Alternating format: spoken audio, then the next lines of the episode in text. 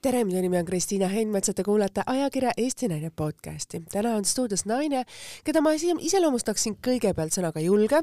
sellepärast et ise saatis mulle sõnumi. hei, Kristiina, ma tahan tulla sinu saatesse. ma võtsin selle, kuidas öelda, SMS-i kohe vastu väga suure headusega, sellepärast et ma arvan, et Eesti ühiskonnas peaks olema naiste hääl rohkem kuulda. Neid naisi, kes ei taha olla müürilinekesed, vaid julgevad välja öelda, mida nad mõtlevad, mida nad tahavad ja kui neile midagi ei meeldi, nad ütlevad ka selle kõva selge häälega ei, see ei sobi mulle.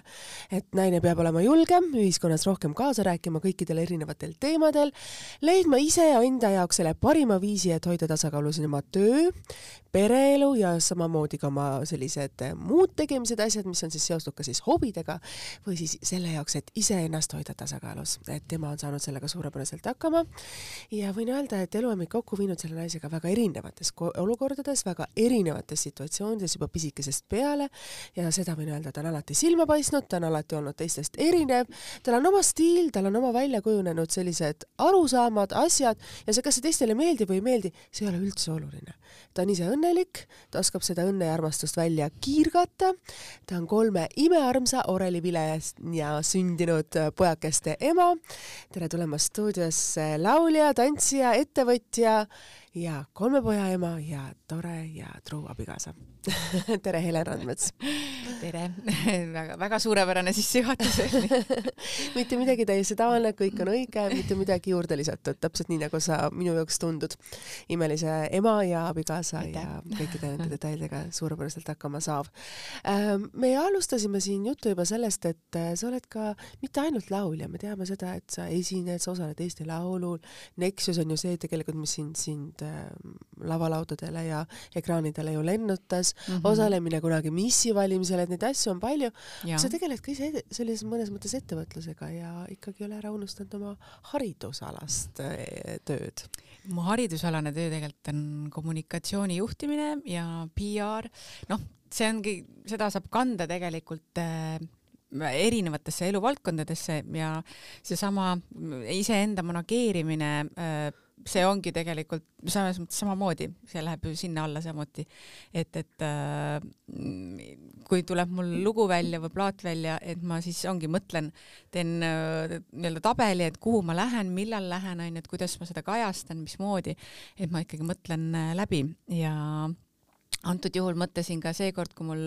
tuli viimane laul välja koos Janne Saarega samal lainel, et ma mõtlesin ka, et mida ma ei ole veel teinud või kus ma ei ole veel käinud, et äh, alati on mingid kindlad raadiosaated, kus sa käid ja seekord ma mõtlesin, et ma ei käi kõiki neid läbi, mis on, et tegin mingi valiku ja tegin nii-öelda ka, kuidas ma siia podcast'i jõudsin, oli ka see, et ma mõtlesin, ma ei ole kunagi käinud üheski podcast'is. Ma, ma, ma, ja mul olid jäänud äh, silma sina oma podcast'ide tegemisega ja eks see on natuke ikkagi mugavustsoonist, et ma päris hea on kirjutada inimesele, keda sa juba tunned, keda sa juba tead, et äh, et siis oli ja kohe lihtne alustada sealt seda teed. väga armas, et sa seda tegid, et äh, mulle väga meeldib, kui inimesed on julged ja nad julgevad ise küsida midagi, mis on nende jaoks oluline ja tähtis. ja ma tegelikult olen isegi mm, palju, ma ei ole üldse seda varjanud, ma olen palju asju küsinud tegelikult iseenda jaoks äh,, kasvõi nüüd kevade mm, märtsi-aprilli buduaari kaas, kus seda ma hakkasin tegelikult pool aastat tagasi juba nii-öelda vaikselt nagu susima, ajama, et äh, mul oli plaan anda sügisel plaat välja. ja, ja siis eh, nagu ikka, et ma saan aru, neil on ka omad plaanid, et meil praegu on see plaan ja see plaan ja et neil tulevad erinevad kaane persoonid on juba paigas ja, ja siis läks ikkagi mõnda aega, aga ma hoidsin ennast kogu aeg niimoodi vaikselt nagu pildil ikkagi. Ja ma arvan, et see Eesti Laul andis ka võib-olla mingisuguse hoo sinna veel juurde, et nad ikkagi olid lõpuks nii, nüüd meil on sinu jaoks aeg ja ruum nüüd, et nüüd tuleb, et ma ikka jah, ei, ma ei ole, võib-olla mul pole seda kannatust, et ära oodata, et keegi tuleks ise mu peale, et kuulge mul nüüd, nüüd mul on vaja nii, mis ma nüüd teen, mida ma organiseerin endale. elu tuleb ise ilusaks elada ja tuleb osata ja julgeda küsida mm, -hmm. sest kui seda ise ei tee, siis keegi sulle mitte ja. midagi ise kandikul ette ei too, et ja. nagu Teli Karat, kes oli meil siin alles mõni mm -hmm. aeg tagasi saates, ta ütles väga õigesti, et ärka ülesse ja hakka tegutsema jah, tulebki ise tegutseda, et äh, samamoodi miks äh, küsitakse ka, et, et äh, ma alustasin oma seda soolokarjääri nüüd praeguseks kaks aastat tagasi, aga Aha, et, et kuidagi tundub, et see on nii pikk aeg juba olnud. et aga et öelge, et miks, noh, miks nüüd? aga millal siis veel, selles mõttes, et, et ma pean veel kümme aastat ootama, et sest et miks ma ka, üks põhjus, miks ma ka viivitasin enda soolokarjääri alustamisega oligi see, et ma ootasin, et keegi äh, keegi, keegi tuleks ise minu peale, et kellelgi oleks mõni laul ja mõtleks, oh, aga äkki pakuks seda Helenile. Või oleks või kutsutaks mind kuhugi tüdrukute bändi või mingisse naistepunti veel kord, taaskord, aga seda ei tulnud ja, ja samamoodi ma mõtlesin, mul peab olema kõik küsimused olema või nende küsimused, küsimustele vastused, et millist muusikat ma hakkan siis tegema, kellele see suunatud on, kui ma esinema lähen, mitu kohta on autos, mitu palju mul neid tantsijaid seal on, mis mul siis seljas on. Ja lõpuks ma alustasin niimoodi, et mul ei olnud vastust mitte ühelegi küsimusele. ma lihtsalt tundsin, et ma tahan laulda, ma tahan seda enda seest välja saada ja võtsin ise produtsendiga ühendust, kirjutasin talle, et nii, ma tahan nüüd laulu ja mingid näited saatsin talle, et millist laulu, millised muu-, milline muusika mulle meeldib, milline ma kujutaks ette, et mu laul on ja selle järgi ta siis tegigi esimese laulu välja ja me tegelikult nüüd lõpetasime niimoodi, et see, me tegime kaksteist lugu, oleme teinud temaga koos ja, ja see album ilmus äh, siis märtsi alguses. et ähm, tulebki ise alustada, et ma ei jõudnud ära oodata seal kodus, kui keegi, noh, muidugi lauljate voor on peale ju, ikkagi kogu aeg tuleb lauljaid peale. Ja kes see sul tuleb kuskilt sealt selle, selle mõtte peale, et aa, äkki kuskil on mingi Helen oli, et äkki pakuks talle laulu, et muidugi noh, neid aktuaalseid lauljaid on nii palju, et, et tuleb ikkagi ise, kui sa ise tunned ja tahad midagi nii väga teha, siis tuleb ise alustada sa väga hästi ütled, sul läks nagu Eesti Laulul väga hästi tegelikult. vaata, kui raske ja keeruline oli see konkurents kõik seal. jaa, ma olin nendest, nagu ikka nendest nimedest oled alati väga hirmutatud et, et sellised nimed seal kõik koos on. ja ma arvan, noh, ma arvan küll, et läks jah hästi ikka, et äh, eks ma oleks muidugi see aasta nüüd tahtnud finaali saada ja olin ka pärast kurb ja valasin pisaraid, aga see on nagu kõik, võtadki mingi asja õppetund ja mille, millegi jaoks on see hea ja, ja nagu lepid sellega. tihtipeale, tihtipeale on oluline see tulemus, aga ma arvan, et see, mida sa seal tegid, nagu sa ütlesid, sa ise alustasid, sul oli väga hea koreograafia, sa olid laval väga julge, sul oli imeline mm. kostüüm, no ei meeldinud praegu täna ja, rohkemale rahvale, no mis siis teha, onju, aga sa lähed edasi, aga sa suutsid sellega kokku panna mm, -hmm. nagu sa ütled, ise kogu selle produktsiooni, see on väga-väga mm -hmm. Suur töö, sest teistel võivad olla stilistid, kõik need detailid juures. ei no mul on ikkagi stilist ja koreograaf olid mul endal ka, aga jah, et kogu seda asja seal koos hoida, selles mõttes, et äh, see mingi algne idee tuli ikkagi minult, mul oli ikkagi mingi oma tiim muidugi, aga samamoodi, et see oma tiimi kasvõi kokkupanek, koos hoidmine, see, et, et see ühtsuse hoidmine seal, et, äh, et see kogu see vibe oleks hea. et äh, jah, niimoodi tagantjärgi mõtledki, et ega see et alati noh, mis sa kuuled veel teiste tiimide kohta, et kunagi see ei pruugi alati nii roosiline olla, mis seal välja paistab ei, seda kindlasti, et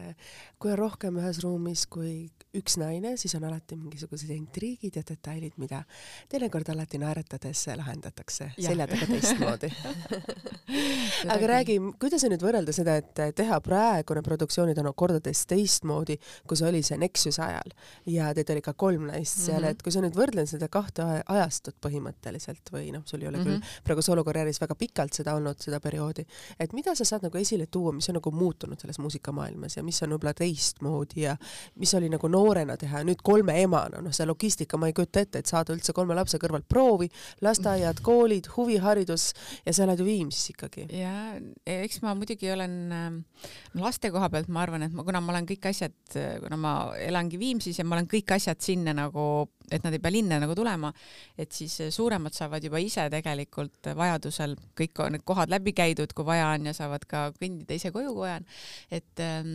seal, seal tegelikult ühesõnaga see logistika, logistika probleem on seal nagu lahendatud. Ja e, ja muidu noh, see võrdlus nagu kahe selle aja vahel, no ma noh, ma mõtlen, Nexuse aeg me olime, ma olin nii ikkagi selles mõttes noor, et mul ei olnud esiteks sellist vastutustki onju, et, et mm, meil küll olid mingid ülesanded seal jagatud mingitel hetkedel, sest me lõpupoole manageerisime iseennast, aga mm, aga sellel kuidagi võtsid asju veel kergemini, võib-olla ma praegu ikkagi proovin läbi mõelda ja rohkem olla niimoodi, et sa mõtled, mis selle asja tulem on, sa, et sa ei rapsi niisama, et äh, minu energia on nagu nii-öelda piiritletud, et ma väga mõtlen läbi, kuhu ma seda oma energiat panen, et ma ei jookse niisama ringi ja aga Nexuse aeg sai rohkem nagu liht-, oligi fun, tore, jooksed ühest kohast teise, kas sellel asjal mingi mõte on, seda vahet ei ole noh. Selles mõttes, et lihtsalt tehti asju nagu sellest puhtast inertsist. Ja kunagi, kuna ma mõtlengi, praegu on see elu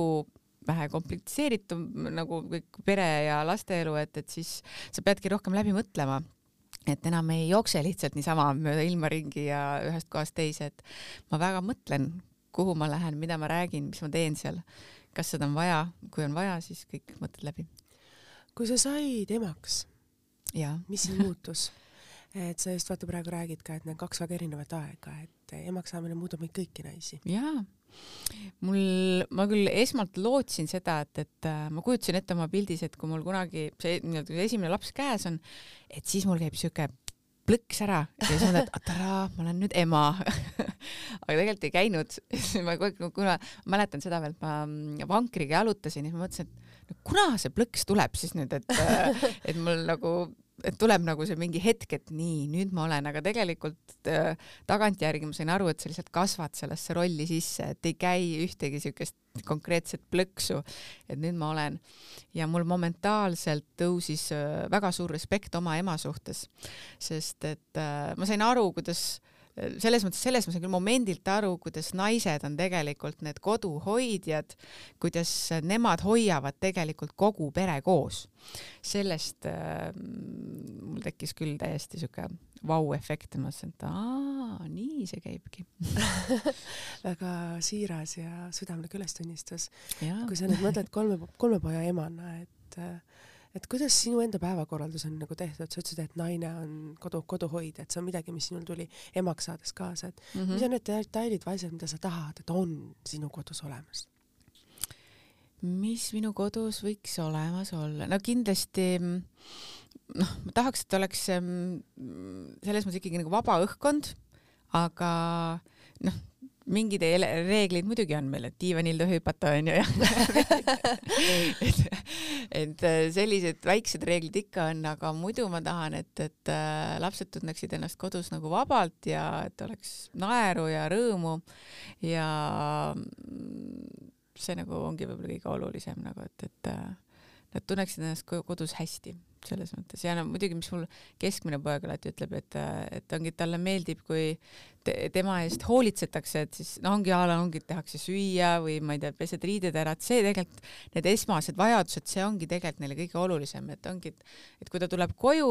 või läheb koju, siis et seal on keegi, kes teeb talle süüa, kes võtab ta vastu seal, kes ma ei tea, küsib neid tavalisi asju, et kuidas sul läks, ma ei tea ja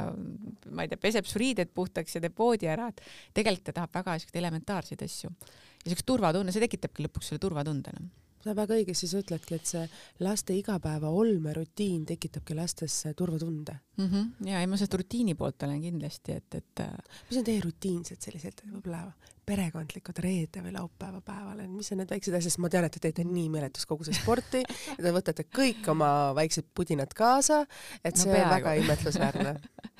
No ma mingi ajani küll, ma praegu pole seda väga suutnud, aga mingi ajani ma üritasin ikkagi lapsi kogu aeg mere äärde viia, sest me oleme merele suhteliselt lähedal. Ja, ja ma isegi, no suvel ma sain ikka rohkem nüüd neid, et kasvõi lihtsalt õhtul päikeseloojangut vaatama, et, et see on ratta selga, kähku sinna ja et see on nii ilus ja lapsed viskavad lihtsalt kive ja lähme tagasi. et äh, mulle sellised käigud väga meeldisid äh, suviti ja aga noh, muidu kodus olles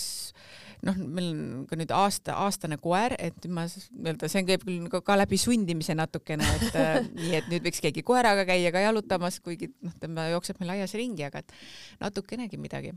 see on kohusetunde kasvatamine tegelikult lastes, et neil on et, see, võtsid kohustuse ja nad peavad sellega hakkama ja. saama. et nii kui nad seal näen, et midagi neil toas teha ei ole, siis ma ütlen, mine tee kasvõi see üks ring seal metsas ja siis on juba kohe parem noh. Ja noh, iga laupäev ja pühapäev on meil äh, pannkoogid mm., et see peab ikkagi olema ja üldse poistele meeldib väga nagu just nendele suurematele, tegelikult väiksemale ka meeldib just süüa teha, et nad tahavad kogu aeg mind äh, seal köögis aidata, mille peale ma olen küll nagu niimoodi, et mm -hmm, see on väga Kahe tore, et sa tahad mind aidata. Aga siis ma tean, kui palju läga ja mega sellest järgi jääb, et siis ma püüan sundida ennast hästi rahulikuks. Okei okay,, tule aita siis ja kui koolis on olnud ka mingid ülesanded, et siin just suurem poiss tegi tiramisut millalgi, siis ta oli nii vaimustatud sellest, ütles, et ta tahab kindlasti seda nüüd mingi järgmisel mingil pidupäeval ka teha. et noh, tegelikult ongi, ma panin lihtsalt need asjad siis valmis ja niimoodi kergelt juhendasin, kui vaja oli, aga ma püüdsin mitte sekkuda, et et seda ma tahaks küll enda puhul ka, et ma võiks nagu vähem sekkuda nende tegemistesse, et ma saan aru, lähebki midagi ümber, aga las nad ise mässavad, las ise teevad ära, et, et äh, aga ikkagi kipud seal vahepeal natukene. sa oled väga mänguline ema. ma proovin küll olla, kuigi ma tahaks isegi rohkem olla. kust see tuleb sul, milline oli sinu enda lapsepõlv, et äh, kui sa võtad kõiki neid asju oma lastega ette, et sa pakud nendele sellise idüllilise lapsepõlve, et neil oleks need päikeseloengud mererannas ja see tiramisu tegemine ja see argipäevas kodusoojus ja see rutiin, et et milline oli su enda lapsepõlv, mida sa mäletad, esimene mälestus? Esimene mälestus, ma arvan, et ma kasvasin äh, võrdlemisi palju, no esimesed mingi neli-viis aastat kasvasin maal äh, Rakvere kandis ja siis äh, Lehtse. Lehtsest on pärit äh, Elina Born, selle järgi inimesed teavad Lehtset, enne see, enne see polnud nagu Eesti kaardil olemaski aga Lehtse on ka täielik siuke maakoht, Aegviidust natuke edasi. ja pigem kangestuvad sealt võib-olla mingisugused pildid, kus ongi, ma ei tea, esimene kord, kui ma rattaga õppisin sõitma seal ja mingid liivakastis mängud sugulastega ja seal üldse suviti olin palju seal, et, et pigem noh, selles mõttes samamoodi siuksed väga mängulised ja äh, nagu ikka lapsepõlve tegemised. Millal sa Tallinnasse siis sattusid, sest sa ju õpetasid Rocca al Mare kooli? jaa, ma tulingi enne kooli, nii et ma arvan kuuendast eluaastast kuskil me olime Tallinnas äh,, Lasnamäel elasime ja siis ma hakkasin Nõmmel käima koolis, Nõmme Vaba Waldorf koolis. Äh, kuni kaheksanda klassini. Ja siis üheksandast, nii kui Rocca al Mare siis just avati, siis ma läksin Rocca al Maresse mida sa ise mäletad oma kooliajast, et Waldorf on ju täitsa teine õpe võrreldes siis noh, Tallinna tavakoolidega? Jaa, aga vot selle, see õppesüsteemid ju tegelikult, õppekava on ju sama, nad peavad ju vastama vast nii-öelda sellele õppesüsteemile. et Waldorf, Waldorfist mul on küll nagu no, igatepidi, no mul on mõlemast koolist selles mõttes, et head mälestused, aga ma nagu ütlekski, et ma ei olegi nagu siukest võib-olla täitsa siukest tavakooli saanud, sellepärast et Rocca al Mare, kui avati, oli samamoodi, et seal ju õpetajad olid kõik just kokku pandud ja uued kõik ja väga tuhinat täis ja õpilased kõik, et keegi ei teadnud, mis saama hakkab, aga kõik olid siukest meeletut innustust täis, et siit tuleb mingi äge kool. et selles mõttes see oli, ma, ma ei, noh, kindlasti see on praegu ka väga äge, aga ma ei tea just seda praegu seda keskkonda seal, et, et tollel hetkel oli see kindlasti midagi muud, ma arvan, natuke, mis ta praegu on, et lihtsalt sellepärast, et seal oli meeletu õhinapõhiselt tehti kõike. Ja, ja Waldorf, seal olid, see oligi hästi selline tunnetuslik lähenemine kõigele ja väga palju pandi rõhku maalimisele, laulmisele, näitlemisele niisugusele ehm, kehalisele liikumisele ju rütmi oli meil selline, kõik, kõik mängisid mingit pilli, meil oli plokkflööt oli kohustuslik kuni siis täitsa lõpuni välja, pluss veel see, et igaüks oli rangelt soovituslik, et igaüks pidi mingit pilli muud veel mängima. Mina mängisin klaverit. Ja mm, kas selle... muusikakoolil, muusikakool ei olnud sul mõte, et ma läheks sinna edasi? muusikakoolis, mul käisid äh, muusikakoolis äh, paralleelselt mingid äh, nii-öelda klassiõed,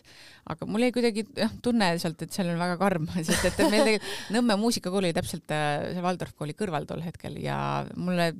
mul kuidagi jah, sinna ma nagu ei kippunud, sest ma kuulsin ainult neid äh, vingumisi selle solfeetšo teemal, et kui raske ja igav see on, et siis ma sinna ei läinud ja ma olen äh, ainult nagu eraõpetajate all õppinud, et nii klaverit kui ka pärast laulmist ma hakkasin äh, Rocca al Mares õppima erinevate õpetajate all kas sa oled kunagi mõelnud ka seda, et aga kui minust oleks saanud näitleja, et kui mul oli selline hariduslik põhi juba Waldorf koolist mm. ja Rocca al Mare on ju ka väga just selline loomingulist, loomingulisust mm -hmm. soosiv kool, et näitlejaamet ei tulnud mõttesse? see ei tulnud mul mõttesse, kuigi kui ma Waldorf koolis tegime veel mingeid oma viimaseid etendusi, siis mulle küll paar õpetajat tuli ütlema, et Helen, et kui sina Äh, et ühesõnaga, et see näitleja elukutse, et see võib olla sinu tee nagu, et kindlasti mõtle sellele, aga ju siis ma igatahes ma ei tea, et ma rohkem oleks sellele mõelnud, ma võtsin seda kui positiivset komplimenti ja et ma väga rohkem ei, see pole mul kunagi nagu juurdlemise küsimu-, küsi-, küsimärgi all olnud, et kas või mis, et. sa mainisid just äh, mõned hetked tagasi, et kui sa said emaks, siis sa hakkasid oma ema rohkem hindama. jaa et mis olid võib-olla need detailid, mida sa ise mäletad, mida sinu ema sulle kaasa andis? sest emadena on ju meie kohustus mm -hmm. õpetada oma lapsi just nagu sa ütlesid ise ka, et neil oleks see rutiin, neil oleks see soojus ja selle meeletu armastuse kogusega nad saavad selle julguse, et olla nagu väljapaistvad, et sinust seda õhkub, et mida su ema tegi sellist erilist, mida sa täna mõtled um,? ta, ta ei kuidas ma ütlen, ta, ta ei ütelnud kunagi sellist midagi, et, et mis ma nagu väga peaksin tegema, et ta tegelikult lasi mul väga ise kulgeda kogu aeg. et äh, ta ei, nagu ei seganud vahele äh, kuidagimoodi, et ta nägi täpselt see, mis ma tahan teha, kui mm, kui ma kasvõi väiksena, suhteliselt äh, juba, ma ei tea, seitsme-kaheksasena viis mind tantsutrenni ja siis ma mingi hetk jõudsin sealt äh, äh, kui Eesti Televisioonis on kogu aeg laulukoor olnud, mida me teame, mis on väga tuntud, siis seal oli ka mingi aeg paralleelselt äh, tantsustuudio, et Eesti Televisiooni tantsustuudio, kus ka erinevatesse telesaadetesse pandi meid ja, ja siis ma tantsisin seal tantsustuudios väga pikalt ja ühel hetkel ma ka küsisin ema käest, et mulle meeldis ju nii väga laulda, et miks sa mind sinna laulukoori ei pannud, et miks sa mind tantsima panid aga siis ta ütleski, et aga ma küsisin su käest, kas sa tahad laulda või tantsida, sa olid nii, et ei, ma tahan ainult tantsida. et äh, no, et selles mõttes selline okei okay, suunamine on, et ta näeb, et okei okay,, kui laps ütleb, tahab ainult tantsida ja mulle tõesti meeldis, et siis ta viiski mind ühesõnaga, otsib selle võimaluse, et näe, palun, tantsi siis onju et äh, ja noh, muidugi nüüd siin hilisemas elus, kui ma hakkasin bikiini fitnessiga tegelema siis ma veel emale ütlesin, et noh, et ma astusin sinna Egle Nabi tiimi nüüd ja et ma teen, hakkan seda bikiini fitnessi tegema, siis ema esimene reaktsioon oli, et see pole sinu jaoks, see ei ole sinu jaoks. Ma mõtlesin, et kus ma tean seda, et, et kus ma tean seda, et see ei ole minu sina ütled seda mulle, sest no ongi võib-olla et selle järgi, et sa tunned mind. aga ma pean ise kogema seda, ise sellest aru saama, et see ei ole minu jaoks. et ma, ma ei saa lihtsalt selle tema nii-öelda väite põhjal öelda, et jaa, okei okay,, see ei sobi mulle, et ma siis ei tee, ma siis ei proovi seda. ma ütlesin, no muidugi, ma tahan ise seda enda nahal kogeda, et kas see on siis minu jaoks või ei ole. ja selles mõttes läksin, läksin ikkagi edasi oma selle bikiini fitnessiga. sa ütlesid väga õigesti, et just see jälle, ta oli ta oli, kes oli mul siin stuudios, Taili Kõrvat ütles väga hästi, et kulge oma energia, kuidas öelda siis, oma energia sees ja kui sa näed, et seal midagi tuleb, ära julge seda kõige, kõige, kuidas siis öelda, sõnastada, see on nii keeruline teise inimese sõnu nüüd ümber rääkida. pigem võib-olla seda, et äh, kui sul on võimalus äh, ja sa ei kasuta neid võimalusi, siis kui sa oled mingil hetke pärast, sa mõtled, et see on kõige suurem kahetsus, et sa ei katsetanud. sest nagu sa ütled, kui sa ei proovi, sa ei tea, kas see on sinu ala või see ei ole sinu ala. ja mida sina nüüd ise meenutad sellest bikiini fitnessist, lähed sa sinna tagasi või see oli tore kogemus? see oli mm, väga tore kogemus ja mingi ajani ma muidugi mõtlen, et äh, Äh, mingi ajani ma mõtlesin isegi siis, kui ma sünnitasin, see, miks mul pooleli jäi bikiini mm -hmm. fitness, oli see, et ma jäin kolmandat poega ootama ja isegi kui ma ära sünnitasin, siis ma veel mingit aega veel mõtlesin selle peale, et äkki ma ikkagi lähen tagasi veel, teen veel, et sest et mul jäi natuke kripeldama, kuna ma veel ei suutnud, ähm, just nagu olin seda nii-öelda oma järgmist teist hooaega ette valmistamas ja enda arust äh, nagu veel paremas vormis ja ma tegin veel paremini ja täpsemini kõiki, mis ette antud olid. Ja ma ei, ma ei saanud seda ju siis lõpuni viia, sellepärast et tuli ootamatus ette ja see jäi mul natuke kripeldama, et ma tegelikult nagu ei saanud kõiki oma plaane äh, viia lõpuni, mis ma tahtsin. aga mida aeg sealt rohkem edasi läks, siis tegelikult ikkagi vaibus ära see bikiini fitnessi teemat, ma olen siiamaani küll elan nagu ütleme nüüd siis selles fitness elustiilis, et ma käin kolm korda nädalas jõusaalis ja olen üldse muidu nagu liikuv ja aktiivne. Ja, ja see, kuidas ma, see söögirütm, ühesõnaga see on mul nagu säilinud. Ja äh, see ongi nagu ma arvan põhiline tegelikult, et see sihuke aktiivne eluviis ja ma söön tegelikult, ma ei noh, ma ei pea küll dieeti nii nagu seal pidi pidama, aga tegelikult mis see tavaline söögirutiin seal oli, siis see on mul siiamaani nagu säilinud. Ja ma sain hästi palju tegelikult sealt üldist niisugust mentaliteeti nagu, et äh, ma olen naine, ma jaksan, ma saan. Et ähm, hea näide oli see, et, et me, kui meil oli Nexuse taasühinemise kontserdid, siis kaks, peaaegu kolm aastat tagasi nüüd siis, ja siis äh, no seal oli ikka nagu bändipoistel need igast kola ja ma ei tea, mis võimendid neil seal on. mina nagu ikka niimoodi, et võtsin kohe mingi kätte, davai, siis viime ja siis Merka ütles, mis Helen, me ei tassi, me ei tassi mingeid asju siin. ma olin nii, et mis, mina võin, ma olen tugev, mina võin tassida et ma olen nagu noh, et muidu sul ongi selline äh, noh, siis ma sain aru, et sealt on ka see mõtlemise vahe, et muidu ma olen, ei, mina ei jaksa seda tassida, ei, mis, no ma kohe, et mida, ma olen tugev, mina võin tassida kõik, ma olen, mina võin tõmmata, ma ei tea, lükata seda või midagi teha, onju, et, et sest, et ma olen nagu kohe nii, et mis, ma, ma, ma, ma olen tugev, noh, ma saan teha sa väga õigesti ütled, et äh, asi on mõtlemises kinni. jaa, et, et ei ole see, et ma, muidugi noh eks oleneb, onju, aga ma tegelikult, ma ei pea ennast, et mingi, ma olen, ma olen nüüd naine, ma, ma olen nõrguke, et ei jaksa midagi teha, et piirid seame me ise ju enda jaa, piirid seame ise muidugi, et ja samas eks see ka noh, ma ei sea, ma ei taha kellelegi midagi halvasti öelda, et eks see on ka omamoodi jälle graatsilisus ja naiselikkus, see, kui et et võib-olla naised ei pea kõiki asju tegema, kõiki toole tõstma ja ma ei tea, mida veel tegema onju. see ei ole ka üldse halb, noh, see on ka omamoodi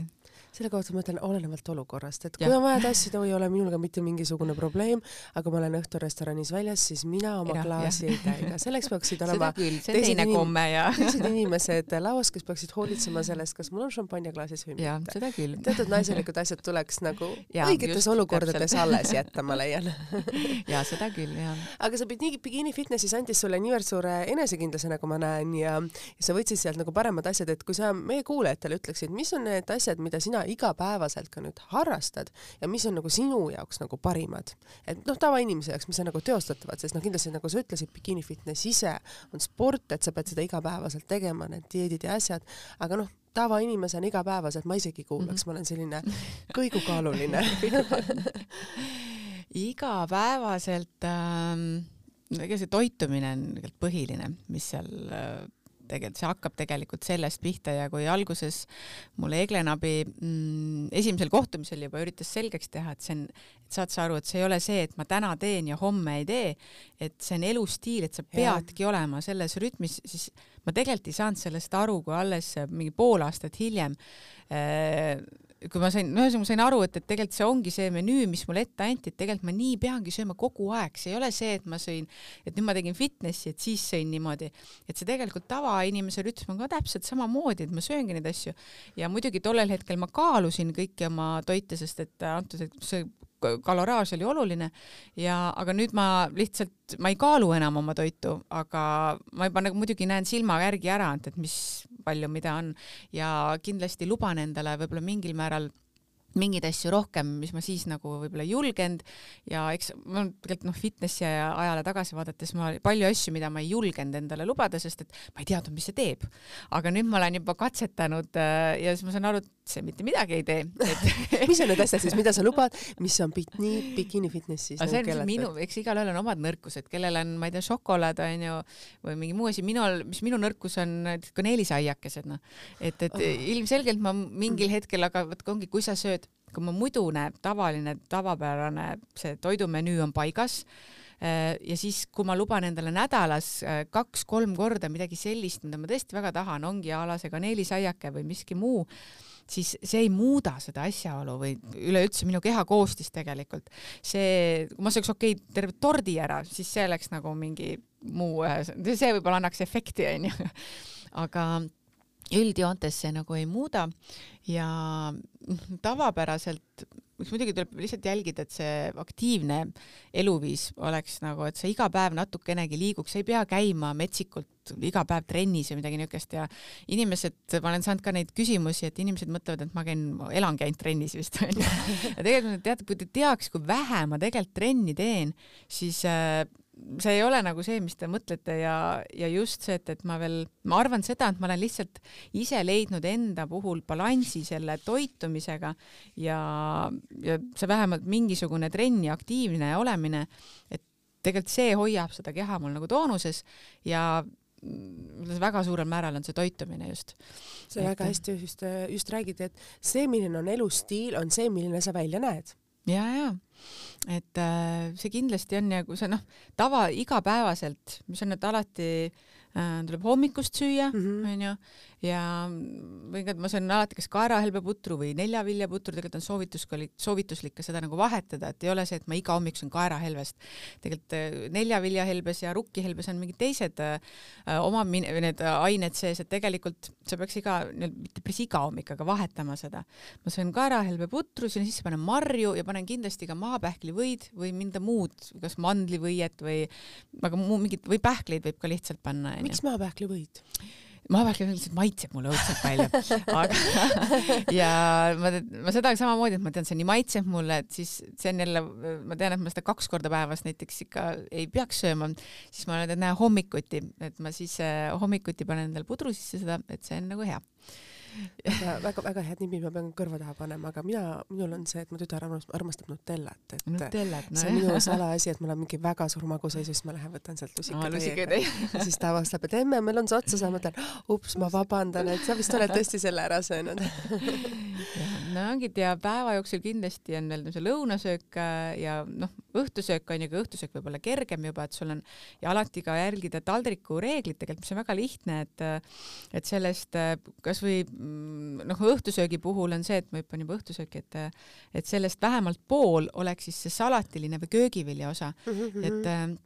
kui ma õppisin tervisekoolis toitumisnõustajaks, siis seal oli meil ka, et noh, et, et vähemalt kas kuussada kuni kaheksasada grammi peab inimene päevas sööma köögivilja. see on väga suur kogus tegelikult. see tähendab seda, et, et kui sa noh, hommikuks eeldame, et sa ei söö köögivilja, aga et see lõunasöögitaldrik peaks juba vähemalt olema kas pool või üle poole sellest, siis sa võiks veel vahepalaks süüa ka mingisugust köögivilja moodi asja ja, ja õhtusöögil ka siis võiks olla köögivili, et see köögivili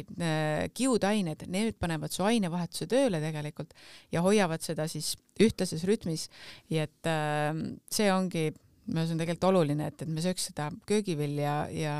ja kasvõi neid puuvilju piisavalt palju, et äh, see nagu, ühesõnaga, sellele pööratakse natuke nagu vähem tähelepanu, aga see ongi täpselt, kes, kuidas keegi on ju, kui oluliseks seda peab, et et äh, kui minu jaoks see tundub nii normaalne, et ma söön päevas kolm täiskorda ja kaks vahepala sinna vahele, et siis äh, mõni mõtleb, et see on nagu ülepingutamine. tegelikult ma koguselistelt söön nagu palju, ma ei ole, ma ei ole see, et ma sööks vähe, aga noh, näiteks mul on meeles Anna Levandi, tema rääkis, et, et tema sööb ainult äh, nagu linnupalukesi ainult, nii palju kui peopesasse mahub, nii palju sööb, onju. Et ähm, see on ka erinev, onju, et ega ma ei, selles mõttes, et ei mõista seda hukka, et, et kui ta on harjunud nii sööma ja see toimib ja tal on hea olla, jumala pärast, miks mitte sa väga ägedalt kirjeldad oma elustiili, sest ongi täpselt see, millised otsused me elus teeme ja, ja millised kokkulepped me iseendaga teeme ja kokkulepetest kinnipidamine ongi see, mis viib nagu tulemuseni, et kokkulepete muutmine kahjuks äh, ei too seda tulemust, nagu siin mul stuudios istub. ma teeksin ka ühe ära selfie, ma ei ole ammu teinud Muidugi. tegelikult stuudios istuvat sellist asja ja sinu puhul on see väga tavaline, sa teed seda väga palju. Teen või?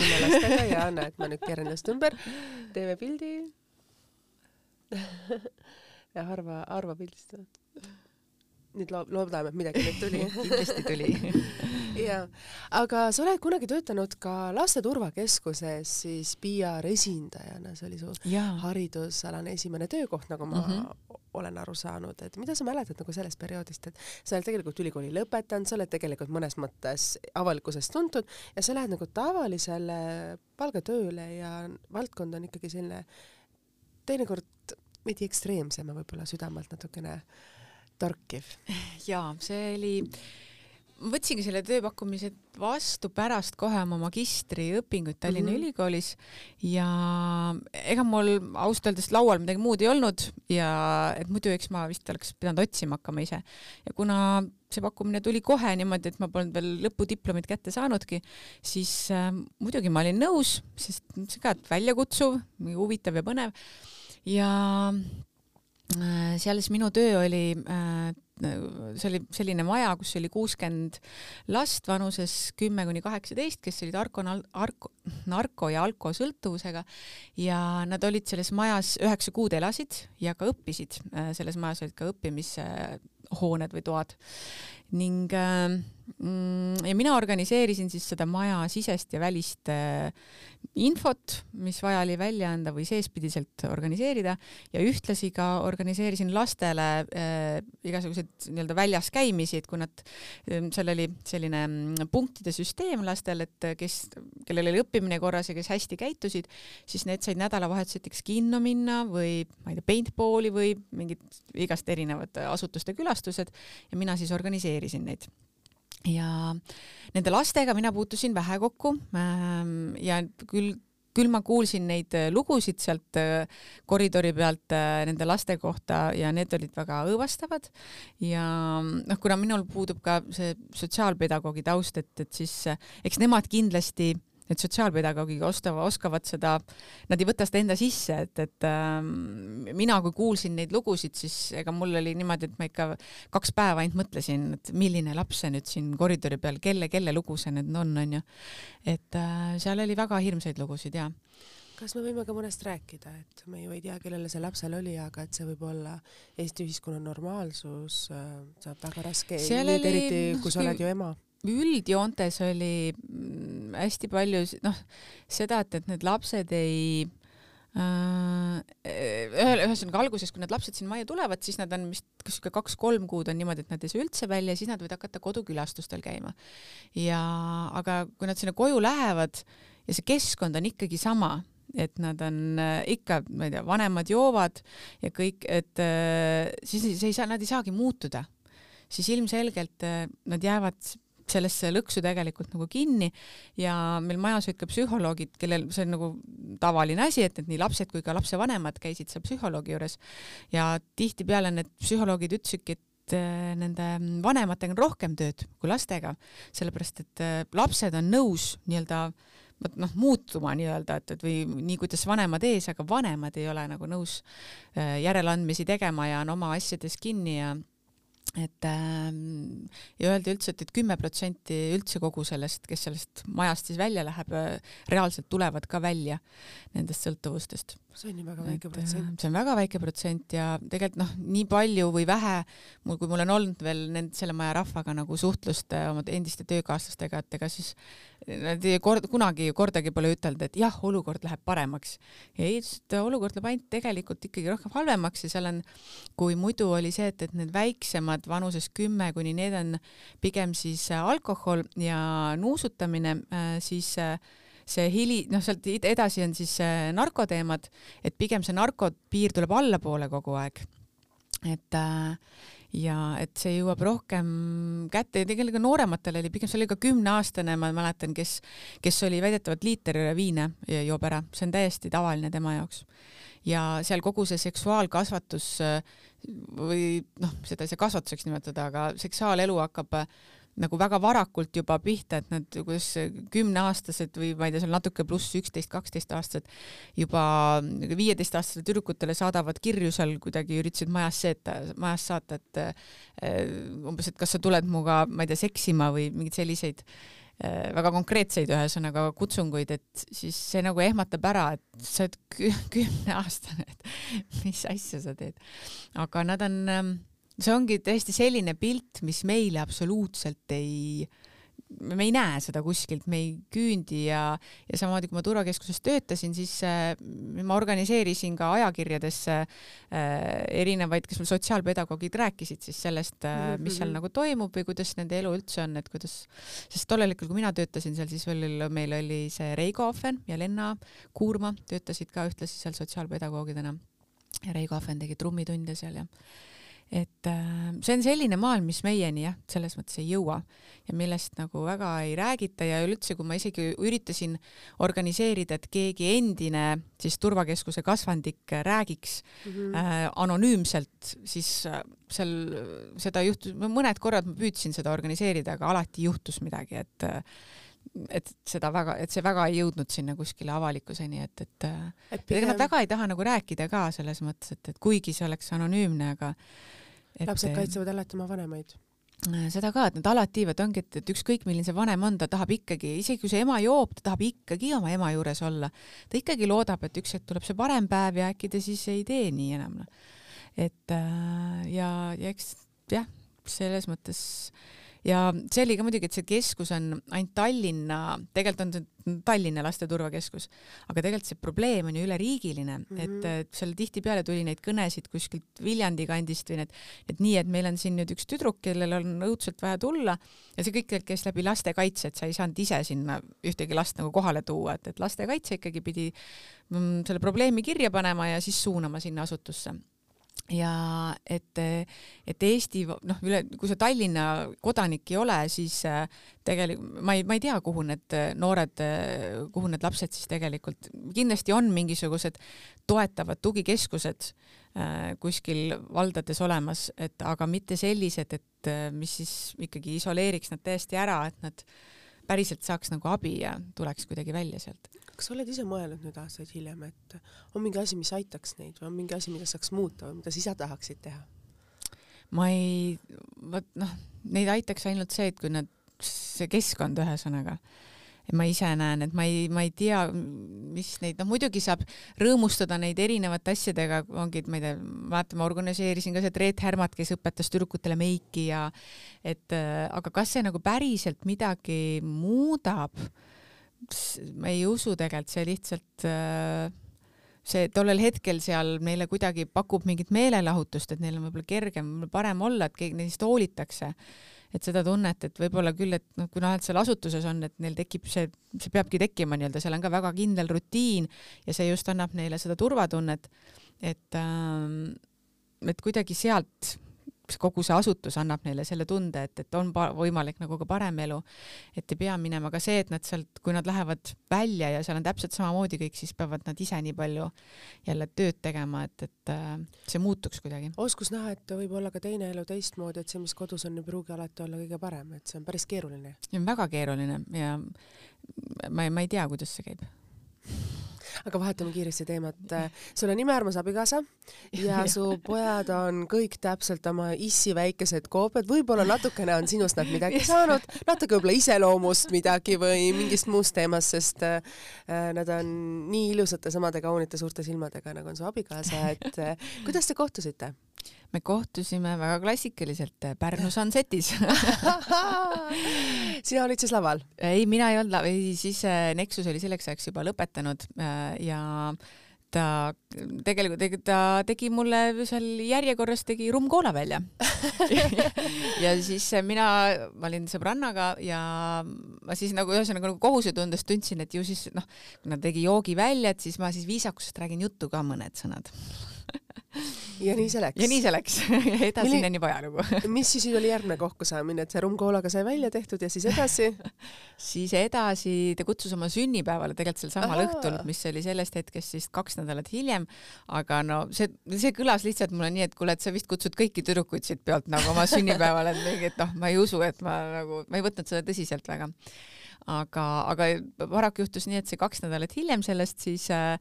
meil just ikkagi tekkis äh, selle sama sõbrannaga ikkagi plaan, et nüüd on vaja Pärnusse minna. Ja siis me mõtlesime, et oota, et aga mis seal Pärnus toimub, siis mul oli, et kuule, et see tüübi sünnipäev oli ju, mäletad, kes kutsus meid.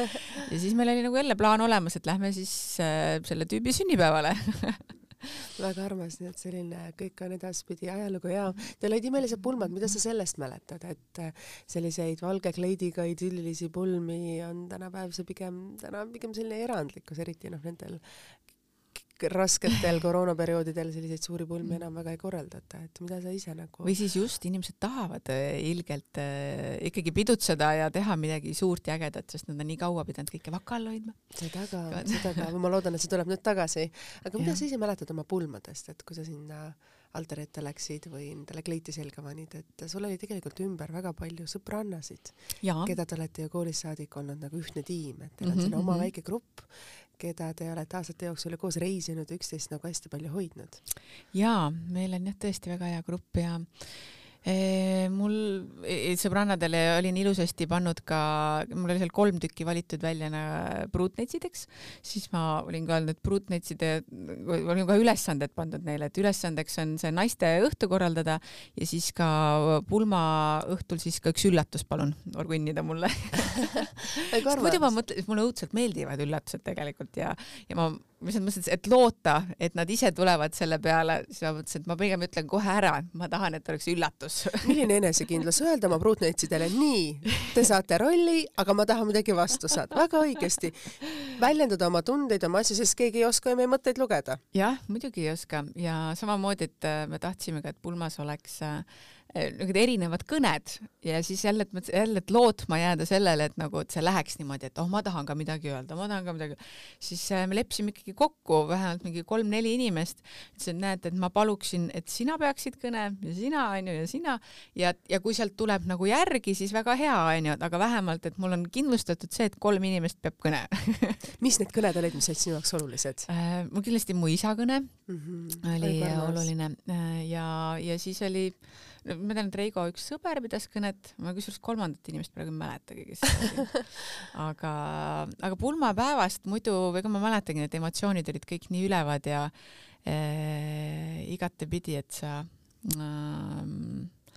seal on nagu jah, seal on nii palju emotsioone tegelikult, et see,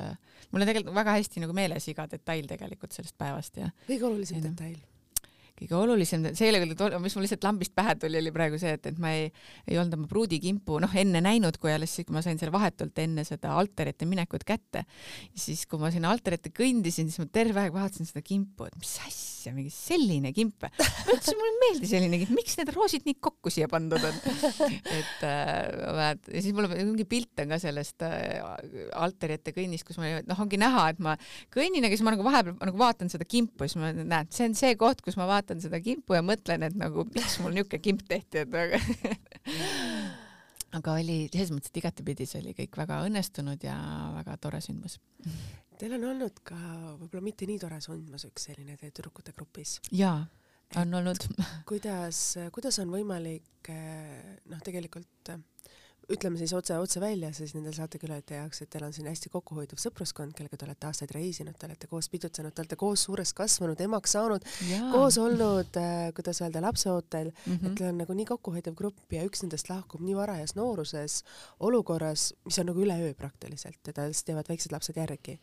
et kuidas te olete ise sellest üle saanud, et äh, noh, mina olin šokis ja kõik mu tuttavad olid šokis, kuna ma ise tundsin, teadsin seda ühte teie mm -hmm. seda, kes teie grupist lahkus, siis kõik esitasid küsimusi, sest see oli šokk kogu Eestile, võib öelda jah, ma olen nõus, et see on, sest ma olen ise ka saanud palju seda tagasisidet, et see on väga šokeeriv oli kõigi jaoks see, äh, sest noh, no ongi, kui kolmekümne kaheksa aastane naisterahvas lahkub noh, üldsuse jaoks nagu päevapealt äh, me ei ole sellest kindlasti veel üle saanud, sest sellest on nii vähe möödas, tegelikult nagu kak-, üle kahe kuu on natuke läinud äh, tema lahkumisest mööda. Äh, mina sain sellest, no see diagnoos tuli maikuus ja sellest hetkest peale on tegelikult äh, minu sõprus temaga juba muutus, sest et me suhtlesime igapäevaselt ja siis me ei, noh, ta ütleski tegelikult, et ta ei, ta ei saa enam ühesõnaga mulle sellist, ähm, sellist suhtlust pakkuda, mis ta enne, sest et ta peab hakkama tegelema iseendaga ja ta tahab hästi palju aega perele pühendada, et muidugi me selles mõttes nii palju, kui me, kui nii palju, kui ta jaksas, kui palju ta sai, me ikkagi suhtlesime, ma käisin külastel, me käisime koos veel, äh, eelmisel suvel käisime koos shoppamas veel ja sest et talle väga meeldis see. ja me tegime selles mõttes ikka koos tegemisi ja ta käis külas meil, mul jäi nagu ikka ja mina temal ja et aga lihtsalt see kõik oli juba, hakkas muutuma, ühesõnaga maikuust, et see ei võib-olla ütle siis nagu ettevalmistav periood selleks lõpptulemuseks ja me muidugi teadsime, et see lõpptulemus võib olla selline, aga nii mina kui ka tema ikkagi viimse hetkeni, no põhimõtteliselt viimse hetkeni olime